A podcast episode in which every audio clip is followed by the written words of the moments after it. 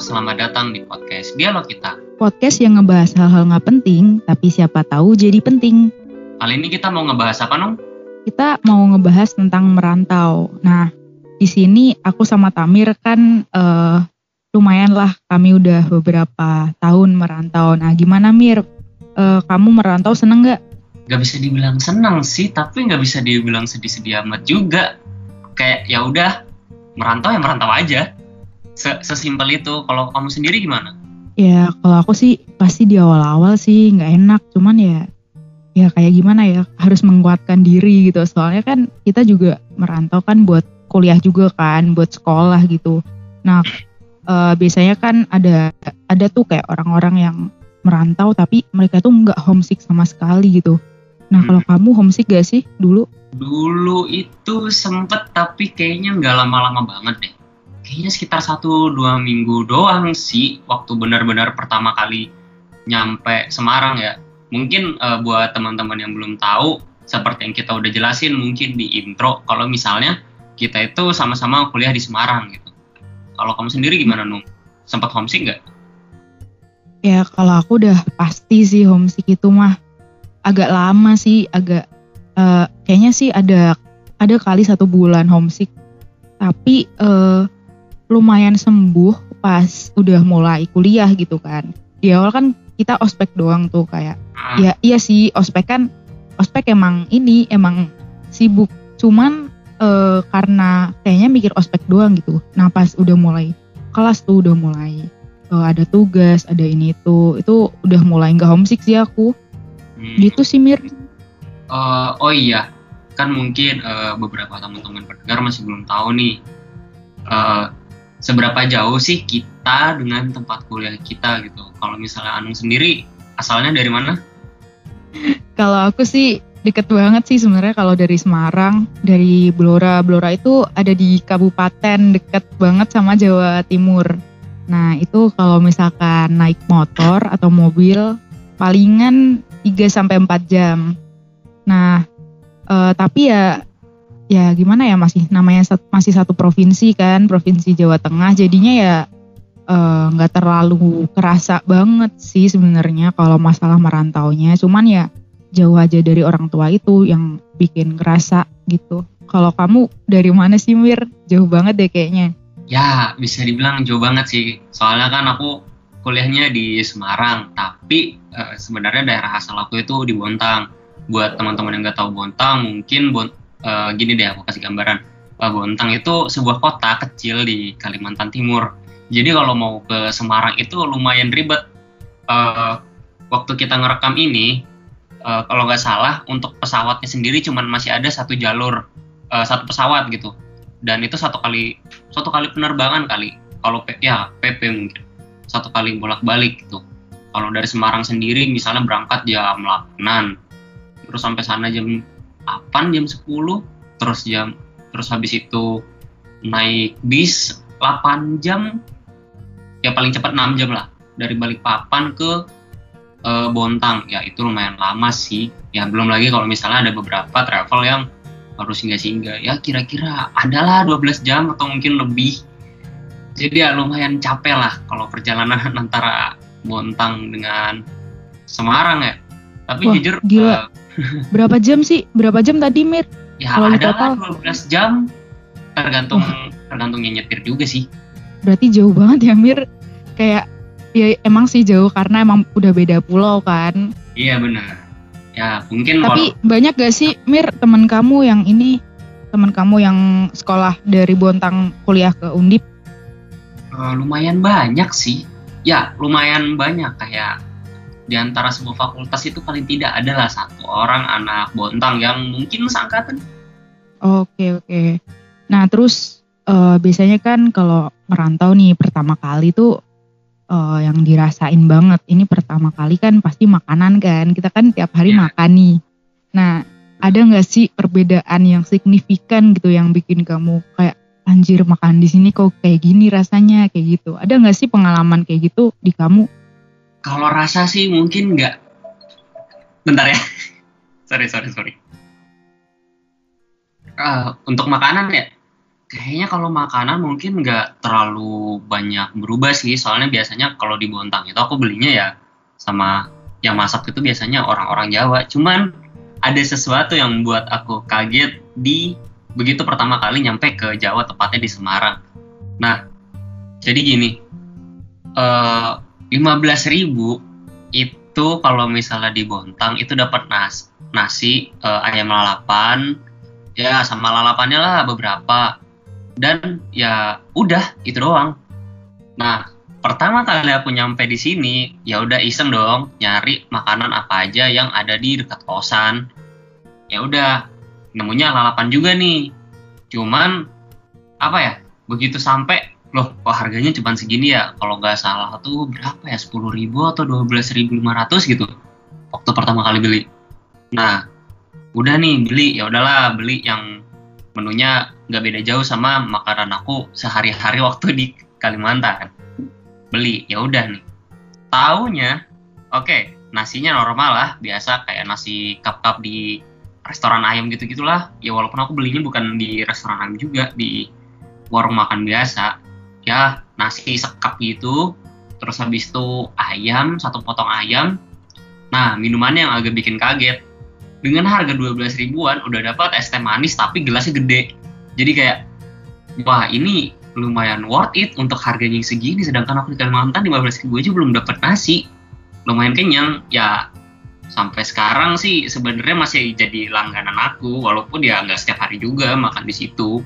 Setiap hari banget kalau lagi pengen aja sih kalau kamu sendiri nong kan mungkin nggak terlalu beda jauh nih apakah ada perbedaan gitu antara di Blora sama di Semarang kalau beda sih udah pasti nggak ada sih kayaknya. Ya makanannya sama aja, menunya juga sama. Cuman oh ada sih ada. Kayak orang Semarang itu kalau menurut aku ya. Hmm. Kalau masak nasi itu mostly mereka agak lembek gitu menurut aku sih. Ya, uh, tapi kalau aku temuin gitu lah di warteg atau di burjo kan biasa anak anak terus kan makannya di situ kayaknya kalau misalkan kita kita ini uh, kalau misalkan di warteg kan dari Tegal kan sama kalau burjo kan biasanya dari Jawa Barat kan. Mereka hmm. tuh nasinya masih biasa masih kayak di rumah aku gitu di daerah aku. Nah tapi kalau tibanya kita makan di warungnya orang Semarang asli gitu itu kerasa banget nasinya agak lembek gitu kalau aku sih itu doang yang aku notice. Tapi kalau yang lain-lain sih kayaknya nggak ada deh. Dan ya kayaknya itu aja sih kamu aja deh yang dari Kalimantan gak ada terlalu beda yang signifikan. Kan apalagi aku yang sama-sama Jawa Tengah. Itu hmm. sih Mir. Terus okay. ini Mir aku mau nanya juga. Uh, ini agak lebih ini ya lebih masuk ke dalam gitu. Ini kita akan membahas tentang budaya. Nah budaya okay. itu udah pasti beda dong. Kan kamu dari Kalimantan gitu. Dan ah. Semarang kan di Pulau Jawa. Nah apa sih yang ini budaya yang ini aja ya budaya yang sehari-hari gitu. Apa sih yang beda di sana sama di Semarang? Oh mungkin ya ini nggak tahu ya. Uh, bener atau enggak ini pandangan personal aku banget. Jadi kalau misalnya di Semarang itu ada semacam budaya yang bisa dibilang ya kayak nggak enakan gitu kalau langsung to the point kayak harus basa-basi dulu A B C D baru oke okay, ini maksudnya. Nah buat aku tuh agak ganggu aja sih sebenarnya. Dan juga mungkin ada budaya enggak enakan gitu. Ya kayak misalnya kamu mau makan nggak? E, enggak deh kamu aja di luar nah gitu aja terus oper-operan aja terus. Padahal ya sebenarnya sama-sama pengen makan gitu. Kayak budaya sungkan ya sungkan gitu gitulah kayak gitu-gitu oh, sih. iya. cuman ya selama beberapa tahun aku di sini ya ya udah biasa aja. Mungkin bakal kerasa banget itu waktu uh, pulang kampung. Kan tran transisinya deket tuh. Kayak misalnya uh, hari Senin di Semarang terus habis itu hari Selasa di Bontang gitu. Begitu nyampe Bontang waduh kok beda banget ya? Dan mungkin orang-orang di Jawa relatif lebih halus kali ya kalau misalnya dalam berbicara. Kalau begitu agak kalau misalnya di tempat aku yang orang-orangnya cenderung beragam itu ya ya emang nggak semuanya halus tapi ya bisa dibilang nadanya sedikit lebih tinggi gitu. Cuman ya nggak masalah lah. Mungkin untuk orang-orang yang terbiasa eh belum terbiasa bakal ngerasa kayak uh, kalau misalnya ke tempat aku orang Jawa nih ke tempat aku kayak ngerasa ini orang apaan? gitu. Kok ngegas? Padahal ya biasa aja. Gitu sih. Kalau misalnya dari kamu sendiri ngerasa nggak kan deket nih tempatnya Iya, emang deket sih. Cuman kalau di Jawa itu kita dari misalkan ya satu desa atau satu kabupaten atau satu kota ke kota lain itu bahasa emang sama-sama bahasa Jawa ya Mir. Cuman tuh apa ya? Kayak ada aja gitu dialeknya yang beda, terus kata-katanya ada yang beda juga, terus nada bicaranya juga beda gitu. Nah kalau yang aku rasain nih kalau dari bahasa ya, kalau Hmm. dari bahasa sih di yang deket-deket Blora sini itu eh, lebih halus gitu. Aku lihatnya lebih halus, soalnya eh, nggak tahu ya ini mungkin aku lihat dari em, keluarga saudara aku yang ada di Semarang, sama aku lihat di lingkungan kampus itu tuh mereka jarang banget yang aku lihat ngomong sama orang tua pakai bahasa krama atau bahasa krama itu bahasa Jawa halus ya yang ya pokoknya halus lah buat orang tua gitu. Dan kebanyakan mereka pakai bahasa Jawa yang kasar gitu kayak misal bukan kasar juga sih kayak bahasa Jawa biasa gitu. Nah Mhm. kalau di tempat aku tuh kerasa banget ngomong sama orang tua itu emang harus eh, pakai bahasa Jawa yang halus kayak gitu. Nah terus juga eh yang lain sih kayaknya nggak ada sih kalau kalau budaya sih. Kayaknya sih nggak ada ya Ya Hmm. cuman itu sih kalau di sini tuh podcast ini kan ngebahas tentang ini ya merantau ya. Kayaknya Iya. ini lebih lebih mending aku banyak tanya ke kamu Mir soalnya kamu kan yang lebih jauh kan. Yang dari Ah. Kalimantan gitu loh. Kalimantan ke Semarang itu jauh banget gitu kan. Kalau Ah. dari aku sih paling ya dikit-dikit lah cuman ya gitulah mungkin eh, logatnya aja logatnya orang Semarang itu beda sama logatnya sini gitu-gitu doang sih. Gitu Oh, iya. Mir. Aku mau nanya nih kalau misalnya orang Jawa kalau nggak salah kalau misal apa sih tingkatan yang paling tinggi itu tadi dalam bahasa Jawa Oh, eh, kalau nggak salah ya, kalau nggak salah itu ada kromo kromo halus atau eh, bahasa krama halus. Terus kromo inggil, kromo inggil itu apa ya? Pokoknya gitulah lebih lebih kasarnya deh kayaknya. Eh jangan tanya itu dong Mir, ntar kalau ada yang denger terus paham banget ntar disalahin. Soalnya Ya, aku udah lupa. Unik aja gitu kan pernah nih ada eh, kakak tingkat aku gitu dia KKN ya emang dia orang Jawa cuman begitu ngomong bisa dibilang sepuh desa setempat nyebut Mm-mm. dirinya sebagai aku aja itu nggak boleh Ngerti nggak? Oh. Oh ya boleh. Emang nggak boleh kalau aku. Aku itu kasar masuknya. Iya. Kulo. Kulo nah, sih. Aku itu kulo harusnya. Emang nah kayak gitu. ya makanya itu kan kayak wah kalau misalnya aku KKN turun ke desa-desa terus ketemu sepuh itu kira-kira gimana ya dan pernah sih aku ke desa-desa di Jawa gitu ketemu bisa dibilang orang tua lah kayak umur 70-80 mungkin ada dan nginep dong di rumahnya pernah tuh pernah nginep. Dan sekitar waktunya tuh sebagian besar habis ketemu sama aku. Jadi ya Hmm. kan kayak semacam gara ini tuh gara-gara program salah satu program yang bisa dibilang eh, turun ke desa-desa gitulah buat ngebantuin masyarakat setempat. Walaupun bukan KKN ya. Kalau KKN beda. Iya. pernah nih. Terus begitu masuk kan tok tok assalamualaikum.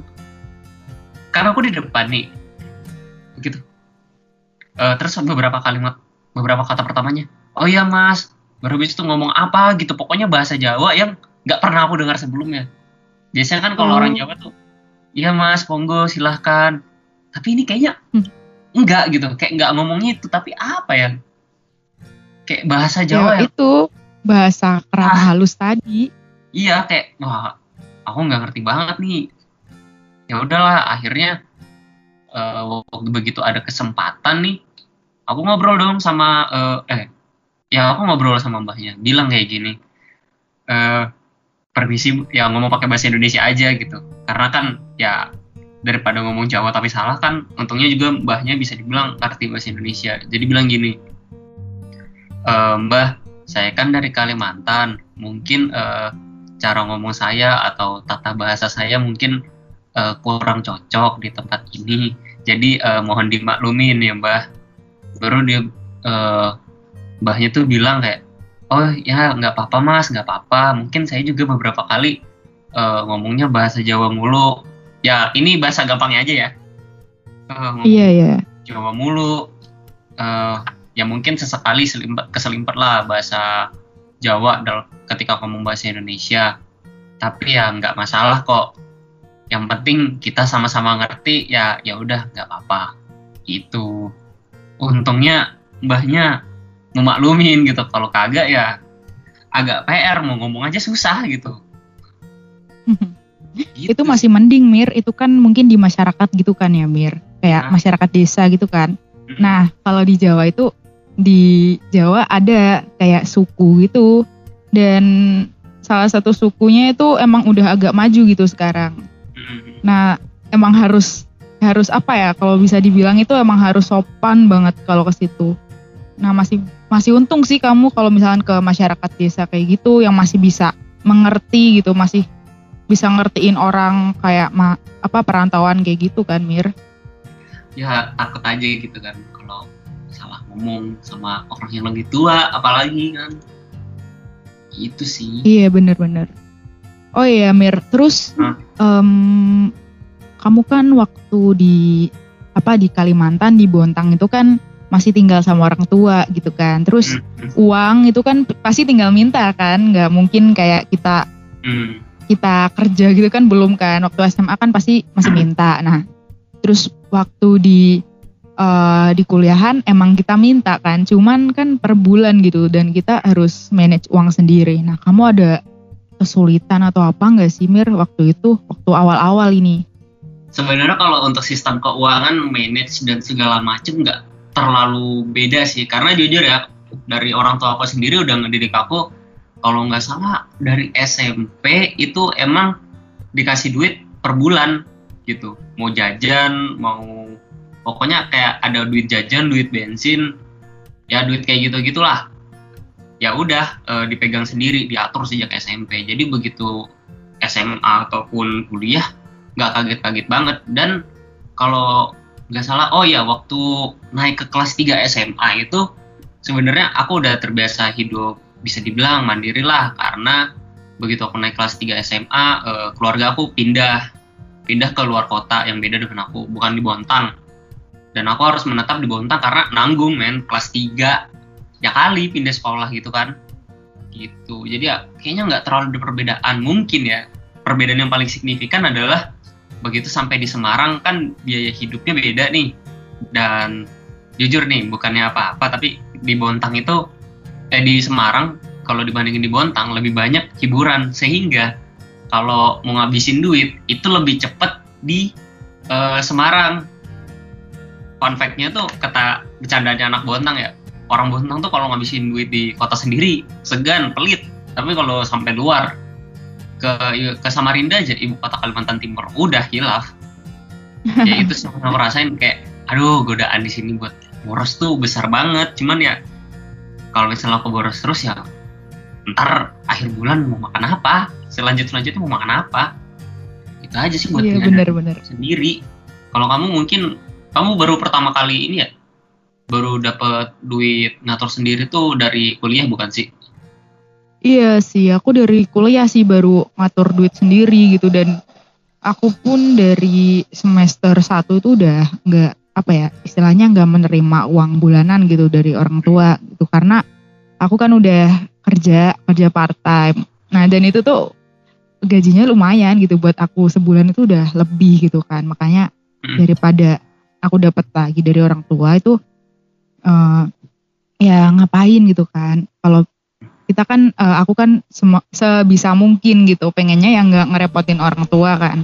Nah terus ya udah di situ dari uang segitu harus bisa cukup sebulan gitu. Apalagi pas maba ya ampun maba itu ya iya, ampun banyak banget pengeluaran.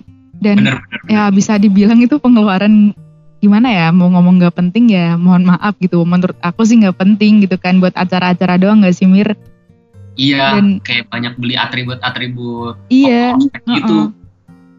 nah iya kan dan ya menurut aku tuh yang aku cari uang sendiri gitu kan terus kayak rasanya itu kan ya ampun sayang banget buat dipakai ginian kan tapi ya ya untung sih bisa melewati masa itu masa emang sulit di finansial sih maksudnya buat ngatur duit waktu itu emang susah gitu.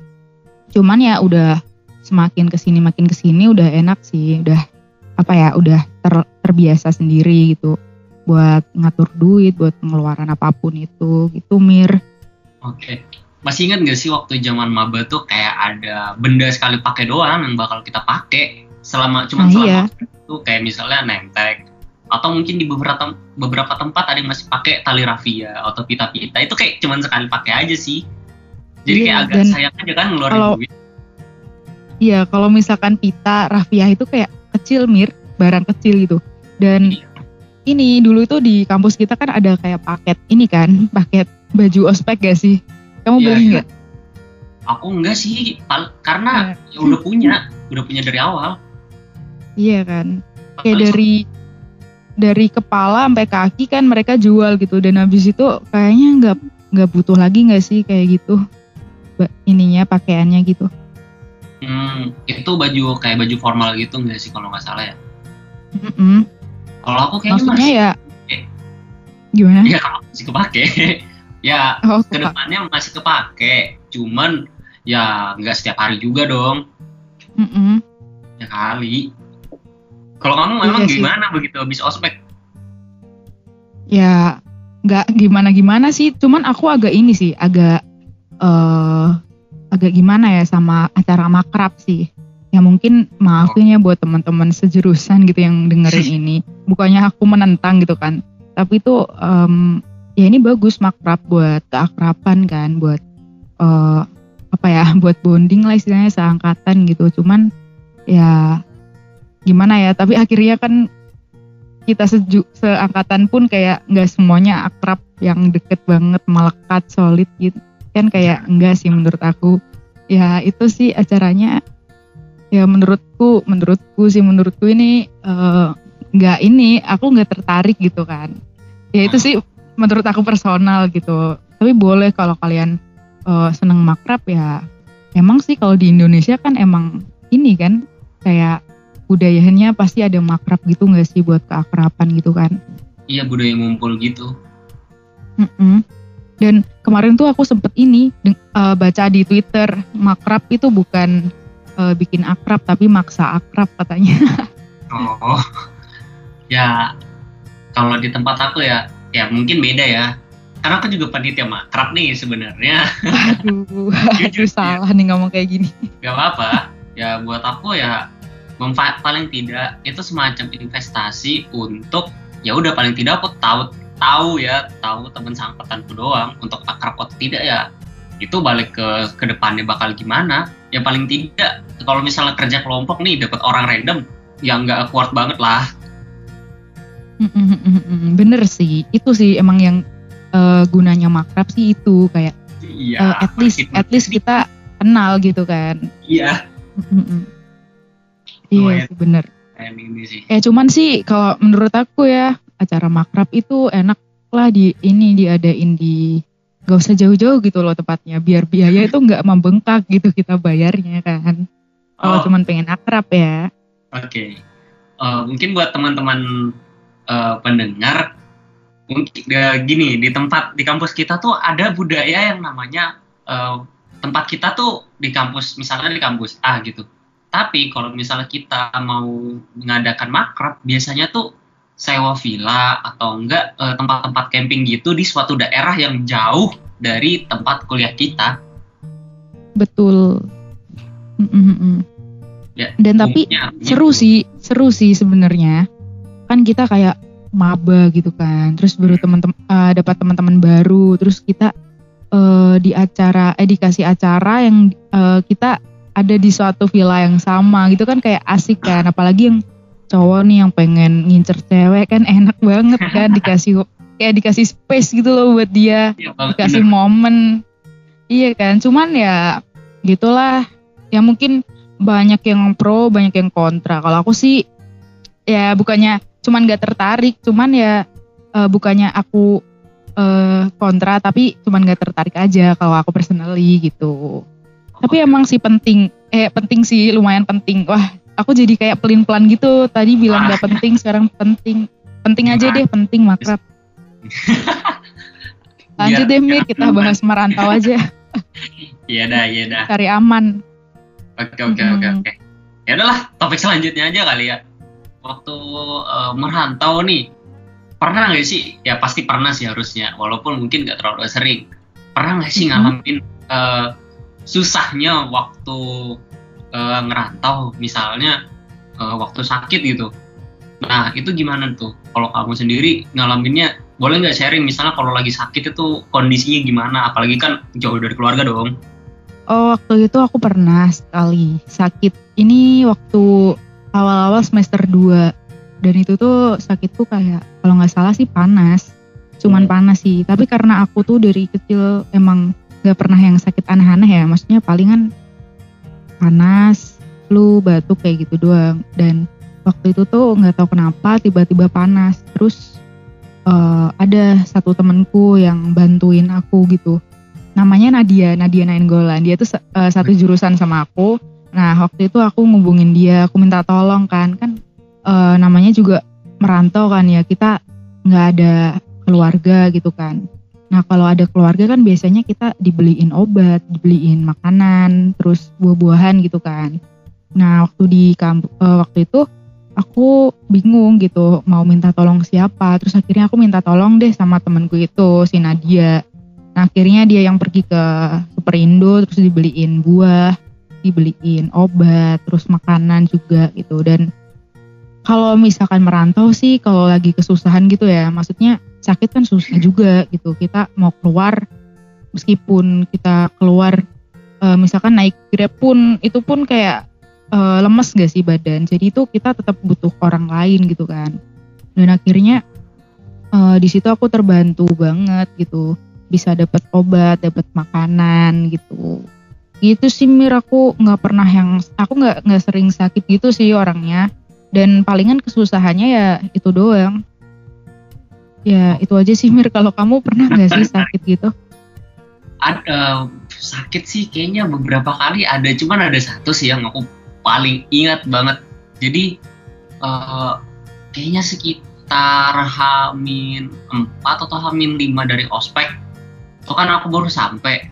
Dan mm-hmm.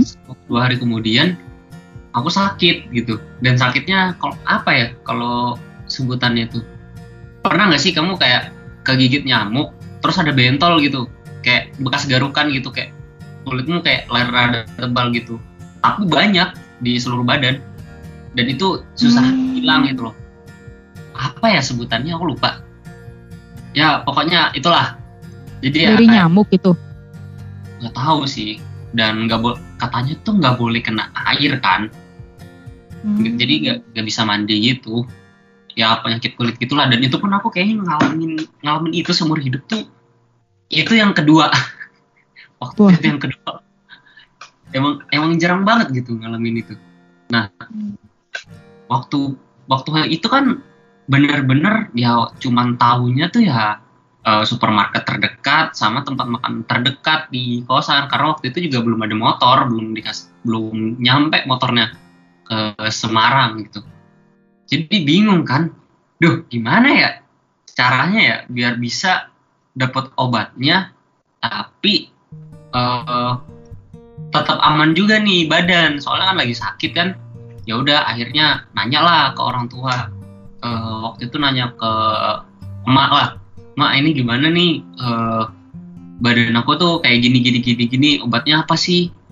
Nah akhirnya kalau nggak salah waktu itu tuh air kelapa masalahnya aku kan nggak tahu nih daerah sekitar daerah sekitar kampus tuh gimana secara luas. Aku cuma tahu sekitar ya paling 500 meter dari radius 500 meter dari kosan aku. Aku nggak tahu apa-apa.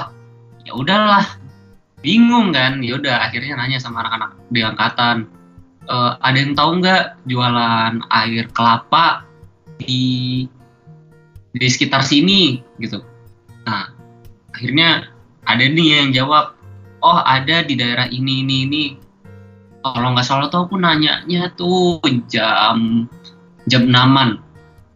Terus aku nanya lagi dong e, masih buka nggak nih? E, kayaknya masih buka deh.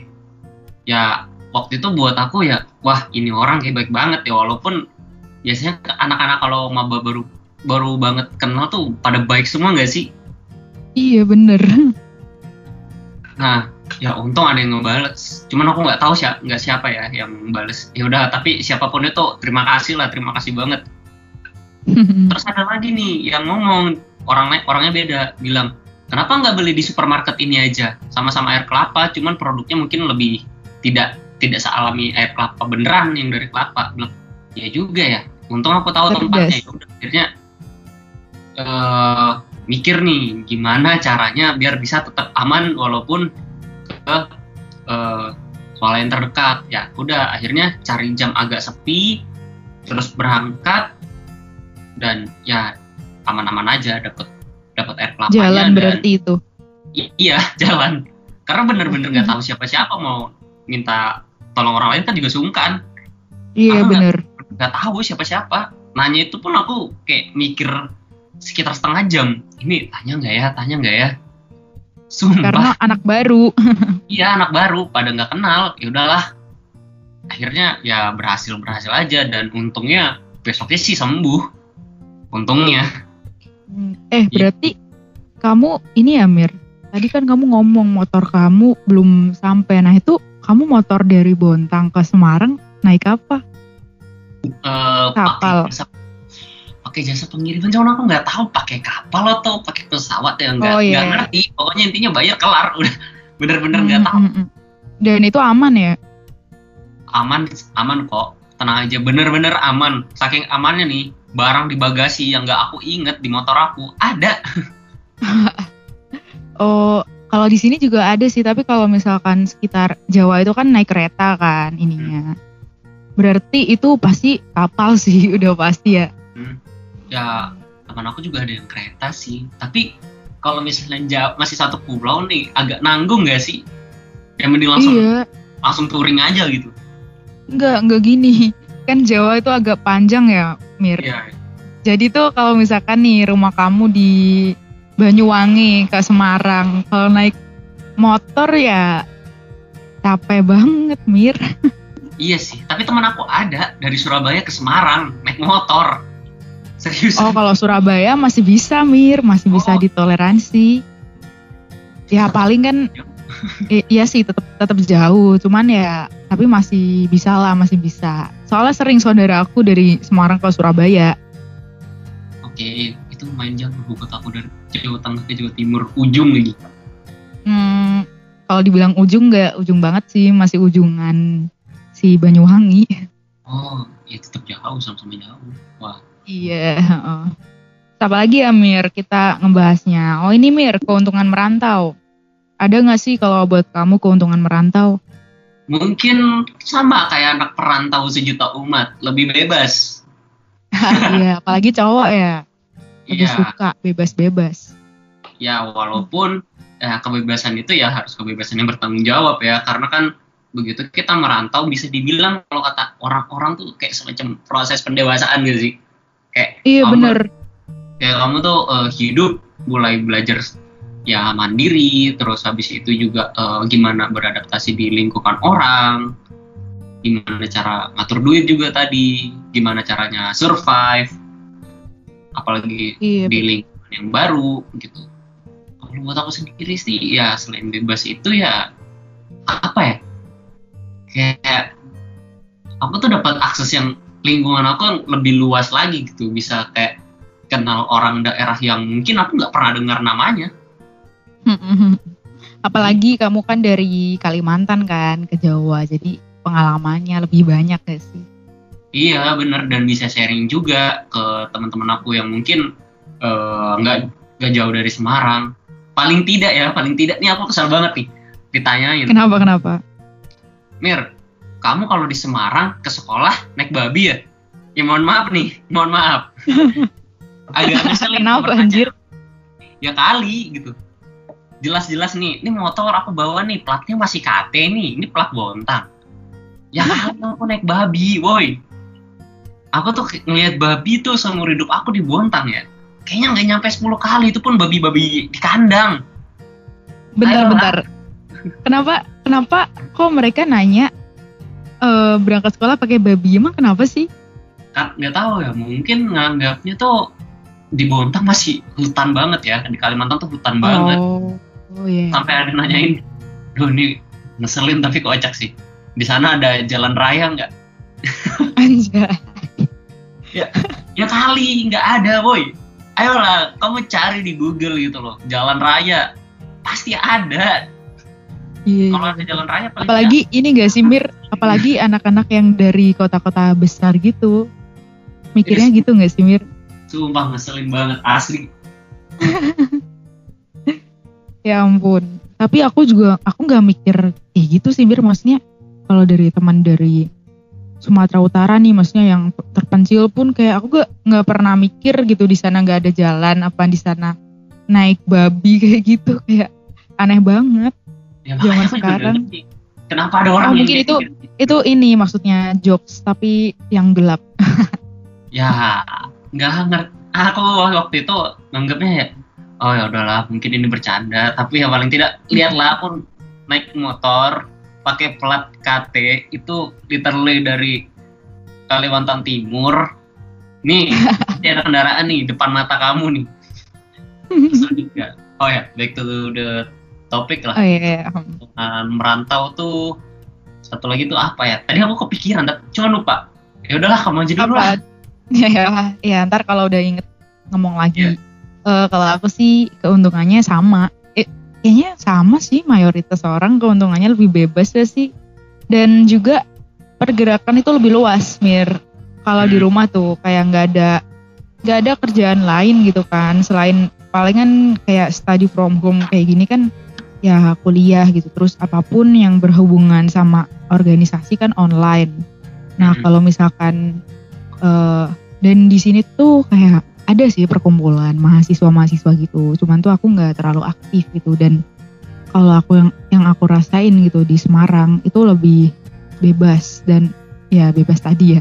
Maksudnya lebih lebih bisa banyak temen gitu. Kita kumpul sama orang-orang baru termasuk kita kan Mir. Kita kan dulu ketemu gara-gara PKM gak sih Mir? Iya nggak sengaja sih sebenarnya. Iya itu keuntungan juga buat aku. Karena Hmm. aku ketemu teman kamu a- alias Agung sama Stefan itu kan awalnya juga dari broadcast doang broadcast PKM nah kayak cuma dari broadcast aja kita itu bisa dapet teman baru gitu. Dan kalau misal kita bisa maintain pertemanan itu bakal bisa jadi circle persahabatan gitu. Maksudnya bukan persahabatan yang deket banget gitu ya bisa bisalah eh, jadi relasi kita gitu baik sekarang Hmm. maupun di masa depan gitu kan Nah kalau di rumah, em, kayaknya tuh agak ini, agak terbatas gitu kegiatan. Kalau di tempat perantauan enak, kita mau main sana sini bebas gitu. Terus juga apa ya bisa lebih mandiri gitu kan. Yang di rumah itu pasti bangun tuh udah pasti dibangunin. Aku nggak pernah bangun sendiri. Kalau di Semarang, kalau di kos itu udah pasti bisa bangun pagi. Tapi anehnya itu kalau di rumah itu nggak bisa bangun pagi kalau di kos bisa banget bangun pagi langsung mandi kayak gitu kayak udah auto jadi mandiri gitu kalau di rumah balik lagi kayak anak-anak gitu kalau aku gitu sih Mir Iya juga sih benar benar. benar. Hmm. Dan tadi walaupun bebas ya tetap harus bertanggung jawab dong ya. iya heeh, bener harus bertanggung jawab apalagi yang namanya perantauan kan apalagi kalau misalkan kamu ada nggak sih Mir saudara di Semarang Nggak ada sama sekali. Keluarga nggak Nah. ada. Bukan cuma di Semarang, Apalagi- di Jawa nggak ada. apalagi kayak kamu nih Mir nggak ada Ah, iya. saudara nggak ada keluarga kan tapi nggak masalah sih banyak kok anak perantauan yang nggak ada saudara atau keluarga sama sekali cuman kan emang harus banyak teman aja gitu biar misalkan ada masalah atau apa bisa dibantu Hmm, ya benar benar benar. Oke. Jadi aku baru ingat nih. eh, jadi aku baru ingat nih Nung, kalau misalnya di Jawa itu ada sekitar bukan di Jawa sih, di tempat perantauan tepatnya. eh, ada beberapa keuntungan. Salah satu pertama eh, setelah tadi ya. Pertama Mhm. karena di sini lebih murah gitu. Ya kayak aku bilang di awal 15.000 itu di tempat aku ya dapat nasi terus ya dapat ayam lah satu bagian yang kecil tapi kalau di sini ini konteksnya di warung makan murah loh ya dua belas Iya, ribuan itu bisa dapat nasi untuk beberapa tempat juga bisa nasi senak jidat lah terus habis itu eh, ayam lalapan lalapan standar terus habis itu eh, mungkin di beberapa tempat gelasnya es teh ini gede banget. Tuh yang pertama. Yang kedua pilihan hiburannya lebih banyak di sini daripada di tempat aku. Waktu video eh, waktu eh, podcast ini dibuat di Bontang tuh kalau nggak salah masih ada dua mall. Itu pun nggak bisa dibilang mall sih. Tapi lebih ke kayak swalayan tapi agak gede aja dan lebih lebih modern dari pasar.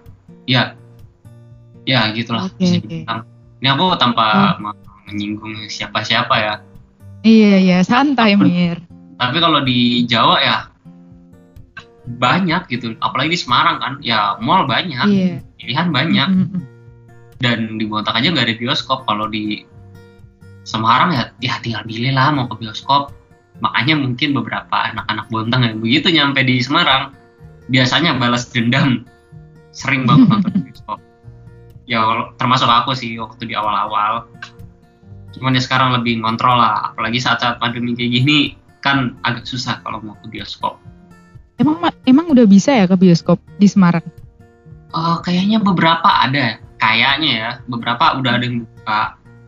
Cuman mungkin gak serame hari biasa sebelum pandemi. Aku terakhir ke bioskop itu kayaknya bulan Feb eh, bulan bulan Ap Maret deh kayaknya kalau nggak salah. Ya ampun udah lama banget. Maret Waktu 2020 itu di ya. Semarang. Iya Maret 2020 eh 2010 2020 gak kerasa anjir udah udah mau satu tahun pandemi. Udah satu Iya. tahun ya berarti. Ya, lagi satu tahun sih. Kita rekaman Gila, ini gila. pertengahan Februari. Ya benar sih hampir Iya. setahun sih. Iya Sama, kan? Ya ampun. Gak kerasa. Iya, bener, bener banget. Ini enaknya enaknya ini sih. Eh nggak enak atau enak ya ini eh, buat maba maba 2020. Hmm, Mereka kan eh iya ya 2020 ya. Mereka kan belum pernah gitu kan ngerasain kuliah ke kampus langsung kayak gitu kan. bener-bener. Mm. Oh ya Mir, kayaknya ini udah hampir satu jam nih kita ternyata ngobrol. Gila. Ya, ya mungkin kalau diedit Malam-malam ya. sangat produktif. mungkin kalau diedit ya mungkin beda cerita ya mungkin kalau teman-teman ngeliat ternyata kurang dari satu jam ya itu udah diedit dong ya kali kita kasih mentahan Iya, kita kan eh, proper gitu lah untuk membuat sebuah konten. paling tidak ada Aduh. ada effort lah Ada effort tetap. Ya, kalian juga pendengar setia di sini, wis. eh, tolong juga dimengerti gitu. Kita ini lagi ngobrol itu via Microsoft Teams. Jadinya ya emang agak gini gitu, suaranya agak aneh dan emang nggak bisa sejernih kalau misalkan bikin podcast langsung gitu kan, Mir. ya benar dan ya seperti kalian tahu sendiri lah internet di Indonesia kayak gimana Iya, itu salah satu kendala dari podcast ini. ya mungkin kayaknya segitu aja sih Nung. Buat teman-teman terutama para pendengar yang maba ataupun calon maba bisa tau lah gambaran kalau misalnya ngerantau itu gimana. Nggak mesti maba sih. Bisa jadi aja kan teman-teman mul- mulai ngerantau tuh eh, waktu SMA SMP atau mungkin ya pas baru kerja ya nggak ada salahnya dong. Coba Iya, dengerin betul. podcast ini. Siapa tahu aja bisa dapat gambaran Tapi kalau aku sih mikirnya ini lebih cocok kita promotin ke anak-anak SMA yang baru mau lulus gitu, Mir. Biar mereka itu kayak ada gambaran gitu paling enggak kan. Iya, ya udahlah. Berarti gitu aja ya Mir podcast kita hari ini. Terima kasih teman-teman udah dengerin podcast kita kali ini. Mohon maaf kalau misalkan ada salah kata atau misalkan ada pihak yang mungkin tersinggung atas omongan kita, kami mohon maaf sebesar-besarnya. Eh, Kalau mau update-annya bisa banget eh, follow di sosial media kita di eh, at Alif Tamir di Instagram dan @anungrianti. Bye. Duh garing banget. Iya benar. Terima kasih Anu